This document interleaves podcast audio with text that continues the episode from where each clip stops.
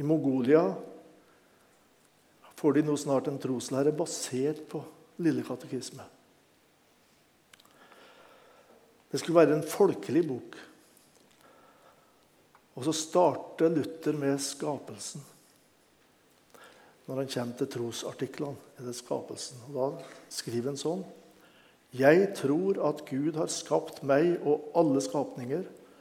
Han har gitt meg legeme og sjel, forstand og alle sanser. Han holder alt dette ved lag og gir meg hver dag det jeg trenger for å leve. Jeg tror også at han verner meg mot alle farer og vokter meg mot alt ondt. Dette gjør han av bare nåde og faderlig godhet, uten at jeg har fortjent det. Luther var et følelsesmenneske. Han fryda seg når han skrev dette. her, Det er jeg helt sikker på. Han ble glad bare ved å skrive det. For tenk, den Gud her, han har skapt meg. Legg merke til Han tar det helt individuelt. Og det har du lov til å gjøre. Skapt meg og alle andre skapninger. Han har gitt meg, og han holder mitt liv oppe så lenge jeg er her på jorda. Det er jo stort, altså. Kanskje har Luther Davids ord i bakhodet. Med ære og herlighet kronte du ham. Altså Luther og meg og deg. For vi er mennesker. Og så kom Luther til temaet Jesus. Det andre trosartikkel som han skulle forklare. Og Han tenkte han skulle forklare det med enkle ord. Han bruker en to-tre setninger, sammenfatter det i disse setningene. Men før han begynner å skrive, så tror jeg tankene går 15-20 år tilbake. Den tida han streva med å tilfredsstille Gud.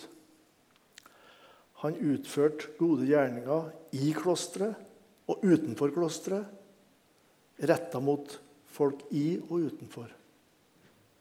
Og han gjorde åndelige øvelser i klosteret for om mulig å bli sikker i sin sak. Og han streva veldig. Men hjertet ble aldri helt med. Han følte seg fattig. Og Kristusbildet han hadde, det var et bilde som ofte var brukt i kirkekunsten.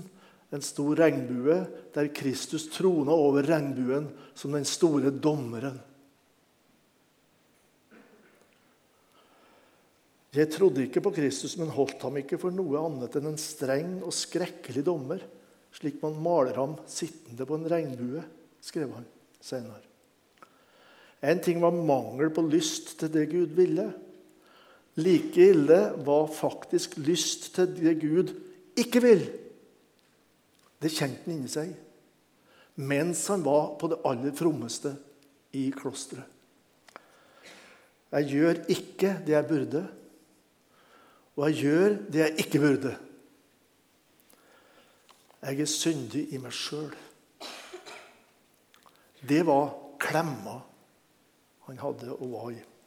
I sin første store salme, som han skrev litt etterpå, så skrev han om dette her. I djevelens vold jeg fanget lå, ja, jeg var fordømt til døden. For syndene mine, de på meg lå. Og så skildrer han dette med veldig mørke farger. Men nå sitter jeg altså med katekismemanuskriptet og tenker det som jeg da erfart, som gjelder meg sjøl, det vil jeg flette inn i forklaringen til andre trosartikkel fordømt og fortapt i meg sjøl. Det skal stå der for all ettertid. Men hva var det jeg fant den gangen? Det var nok ikke bare akkurat da han satt i tårnet. da, Noen av dere har hørt om den tårnopplevelsen. Men det, det toppa seg liksom i en bestemt opplevelse. Jeg fant noen ting, oppdaga noen ting. Kristus er ikke bare dommeren på regnbuen som krever av meg. Kristus er den som sjøl gir. Gud er ikke bare en streng, rettferdig dommer som krever. Gud gir.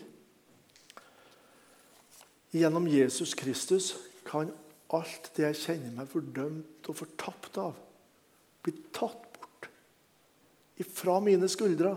Det er fantastisk å uttrykke dette i den salmen jeg siterte. Og Så griper han penna, og da kommer forklaringen til andre trosartikkel, som jeg nå siterer litt av her. Han er min Herre, som har gjenløst meg fortapte og fordømte menneske. Nei, hva det? Kjøpt meg fri og frelst meg fra alle synder, fra dødens og djevelens makt.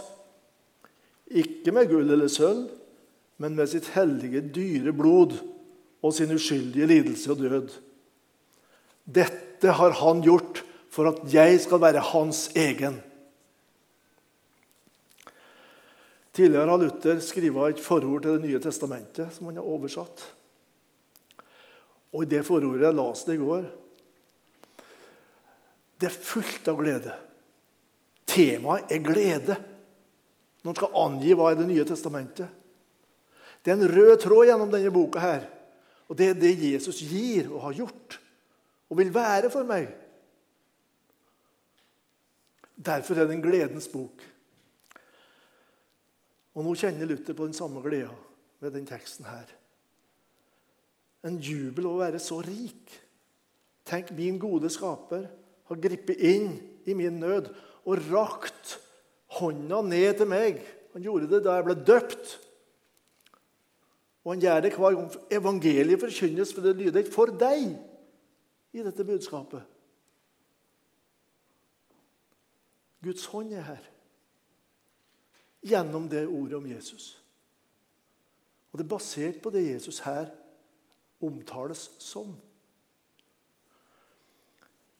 Jeg hadde ingenting å betale med. Han betalte sjøl med sitt hellige, dyre blod og sin uskyldige lidelse og død. Og nå kan ikke Guds lov fordømme meg. Og djevelen kan ikke skremme meg. Jeg var fortapt og fordømt, men jeg er kjøpt helt fri, løst ut av gjeldskrisen. Derfor var det jeg forandra navnet mitt. Han het Martin Luder. Og det greske ordet for frihet Jan Magnus burde vite det eleuteria. Det er det TH. Og Så tok han ut de to bokstavene og plasserte inn i sitt eget navn. Fri. Luther. Så legger han penna ifra seg. For i fjor, altså i 1528, da var han i en dyp krise. Det kan også ha vært psykologiske eh, kriser i livet hans. Det er ikke utenkelig, det.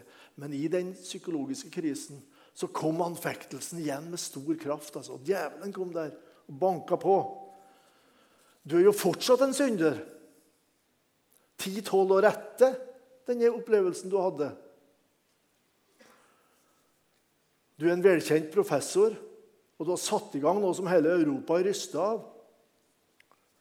Men synda, kjære Luther, den er den samme hvor du finner henne. Og nå finner vi henne hos deg. Det er samme art hos deg som hos ikke-kristne mennesker. Det er ikke forskjell på den syndigheten din og den og deres. For her var det urenhet, lyst til å hevne seg, sjølopptatt, motvilje mot de buda som krever full kjærlighet. For ikke å snakke om frustrasjon over Guds utvelgelse. Djevelen passer på å minne om det. Er du nå sikker på at du er utvalgt, Luther? Er det sikkert at Gud i det hele tatt vil ha med deg å gjøre framover livet og i evigheten? Og så stirrer han ned på papiret igjen, som han har skrevet. Slik jeg er meg sjøl, er jeg faktisk fortsatt en fortapt og fordømt synder. Skal jeg beskrive det Paulus kaller kjødet, da, kjøttet, det gamle mennesket? Da blir det sånn. Og det er akkurat likt med all verdens ikke-troende mennesker, også de groveste. Sånn er jeg. Men Gud utvalgte meg ved nettopp å si dette for deg gjennom evangeliet og i dåpen. Det er Guds hånd som velger deg ut. Det er et budskap som kommer til deg. Tar du imot det, så er du blant de utvalgte. I en legende fortelles det at eh, Luther satt fredløs på Wartburg. Det var ikke legende, altså det var sant at han gjorde det. Og han satt og oversatte Bibelen. Og især første ukene var han veldig deppa. Skulle bare mangle. Han var rettsløs, fredløs. Det var veldig risikabelt. Og det er ikke lenge, før, lenge etterpå han fikk høre om to tilhengere i Nederland som var drept. Så det lå en angst i lufta der over Wartburg. Han var kalt Junker Jørg, da en aristokrat. Junker Jørg, for å skjule identiteten. Og så kom djevelen, sier legenden. da. Det, det sier noe som er et poeng i dette her. For djevelen kalles anklageren. Og nå opptrådte djevelen som, djevelen som anklager overfor nettopp Luther. Og så kom han med et helt register med synder som har sammenheng med Luthers eget liv og tankeverden og alt sammen. Mange tenker stort om deg, Martin, men se her. Se på den lista her. Og så så Luther at synderegisteret faktisk var det korrekt. Djevelen har et snev av sannhet når han anklager oss. Han, han samspiller med Guds lov da, han vil gjøre oss helt fortvila. Men så tar Luther fjørpenna. Det har sammenheng med det som står her på, på skjermen. Som sto her på skjermen. Og så skriver han et bibelord. Jesu Kristi Guds sønns blod renser for all synd. Og så tar han papiret og gir tilbake. Se her, djevel. Ta det alt sammen og forsvinn. For her er det Gud som tar det om Jesu blod. Og det renser for all synd. Hele registeret. Ta det med deg. Det frarekna meg. Jeg har Kristus. Jeg har de andre trosartiklene. Det er Han som er min rettferdighet hos Gud.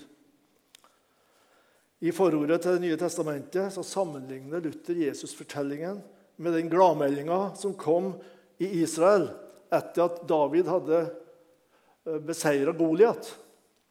Den historien hadde jeg hørt, kanskje. Eh, og Dermed kom det trygghet over folket.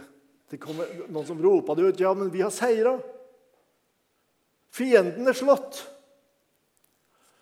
Og så sier Luther at de var trygge, og de sang og sprang og var glade. Sånn skulle vi være når vi leser Det nye testamentet, sier Luther. Så finn tråden der, den røde tråden. For Jesus er en virkelig David som har stritt imot synda, slik at den ikke kan fordømme oss. Og han har stritt imot døden, sånn at vi har del i det evige livet. Han har stridd imot djevelen, sånn at vi kan slå alle hans anklager til marka og nå fram til himmelen, det som han ikke ønsker for oss. Er verdens fyrste vred og vil å støte ned han ingenting formår. Han skriver om djevelen i den kjente salmen. Fordi alt dømt han går. Et gudsord kan han binde. Så fikk han det ordet om Jesu blod som renser for all synd. Og så ble djevelen bundet av det. Dette er en glede og en seier du eier i trua på Jesus. Du kan gå ut her og ha denne gleden dypt i hjertet ditt. Det er ikke noe småtteri, det, det, det Bibelen forkynner oss om Jesus.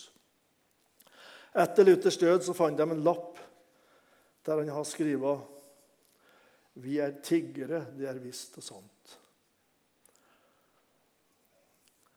Vi har et opplegg for barn en gang nylig her om Luther. og Da var det ei jente som da tok fram den lappen fra Luther, da, som var ei anna jente som spilte i Luther, og så la seg det høyt. Så kom det en 70 pluss-mann etterpå. Hva var det som sto på den lappen? Vi er tiggere. Det er visst og sant, sa jeg. 'Å, takk og lov', sa han. Å. Han kjente seg igjen. 70 pluss. På vei mot døden, som vi alle er da.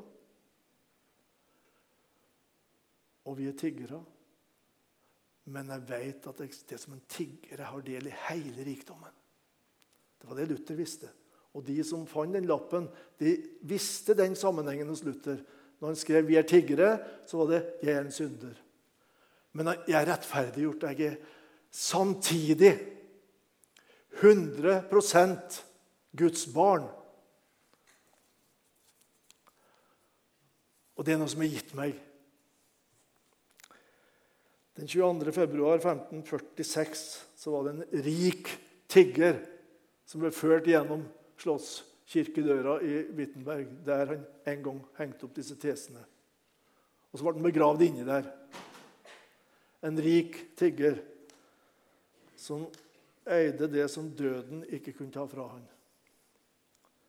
Evig liv for Jesu Kristi skyld, som han skrev om i andre trosartikkel. Og han forklarer det. Nå er de samla om misjon denne helga her. Og misjon er egentlig å komme sånn som de kom da David har slått Goliat. Altså. Misjon er nok å, å, forkynne lov og moral. Og Det er ikke måte på hvor mange kulturer som har blitt forandra av kristendommen. da. De slutta å sette ut barn i Norge. Og fortsatt lever det den tanken at det er ikke riktig å ta livet av ufødte barn en gang. Det er det kristne menneskesynet som har slått igjennom. Veldig vesentlig. Men det er gledesbudet som må lyde inn blant folket. Om at Gud kommer her gjennom evangeliet og vil gi deg ting som du ikke har fortjent. Nå skal ikke jeg si mye om dette å være misjonær på, på studiestedet eller på plassen der du bor. Jeg vil bare si det at Vær obs på at vi er forskjellige. Vi er forskjellige mennesker, møter forskjellige mennesker. Vi er forskjellige, vi er forskjellige typer. Det er ikke ett bestemt mønster vi skal være etter for å være kristne i denne verden. Men jeg har et minne fra min egen tid på videregående. Det var en gutt i skolelaget som i klassen har blitt med på noen ting som ikke var bra. Noen få i klassen har fått den med seg på eh, å hevne seg på en lærer. Så sto han plutselig der og laug læreren rett opp i ansiktet. Og så etterpå hørte han noen jenter i klassen kviskre. Ha-ha, han ble med på det, han òg han som går så aktivt i skoledaget, og som skal være kristen. Så fikk han det veldig vondt. Og Da er det noe med Guds ånd vet du, som tar bolig i en kristen. Og det ble så vondt for han. Guds ånd gjør ikke bare godt, kan også skape noe som er veldig vondt. Han kom ikke utenom at han måtte i åpen klasse Jeg tror jeg har omtrent ordrett. Litt, litt sånn stotring. Det var galt av meg. Jeg ødela for ham jeg tror på. Jeg må beklage og bedre bedømme kristendommen etter Jesus, ikke etter meg. Nå ble det liksom et, et, lys i klassen. Det ble slutt med den kviskringa. Det ble en annen type kviskring. Hvorfor forteller jeg dette eksempelet? Så vil du vise hvem Jesus er så det er det beste i det lange løp å være tydelig. Men det innebærer at du også tar vare på evnen til å få det vondt inni deg når du har svikta og skjemt ut Jesu navn. Og det ønsker Guds ånd å føre deg inn i den prosessen. Og at du er ærlig. At du ikke spiller en rolle. Men at du er ærlig mot dine medmennesker som ikke tror. Og innrømmer Sånn som den gutten gjorde der, og som han følte han måtte gjøre. Kanskje noen da tenker kristendom er for syndere. Han trenger Jesus fordi han er en synder. Og det har de helt rett i. Et uttrykk til slutt jeg skal nevne. Jesus er en virkelig frelser for virkelige syndere. Og når det røyner på gjennom livet, om du har vært en kristen lenge, så kastes du inn i den problematikken igjen. Jeg er jo en virkelig synder. Men jeg har en virkelig frelser. Og i han er jeg rettferdig for Gud. Frikjent. Guds barn. Oppreist. Midt i den situasjonen som er. Kjære Jesus Kristus, vi takker deg for at du er god at din miskunnhet varer til evig tid over oss. Takker deg for det du har gjort, det du betyr, og det du vil være. Og jeg ber om at alle her, Jesus, må få gå herifra med stor glede. Amen.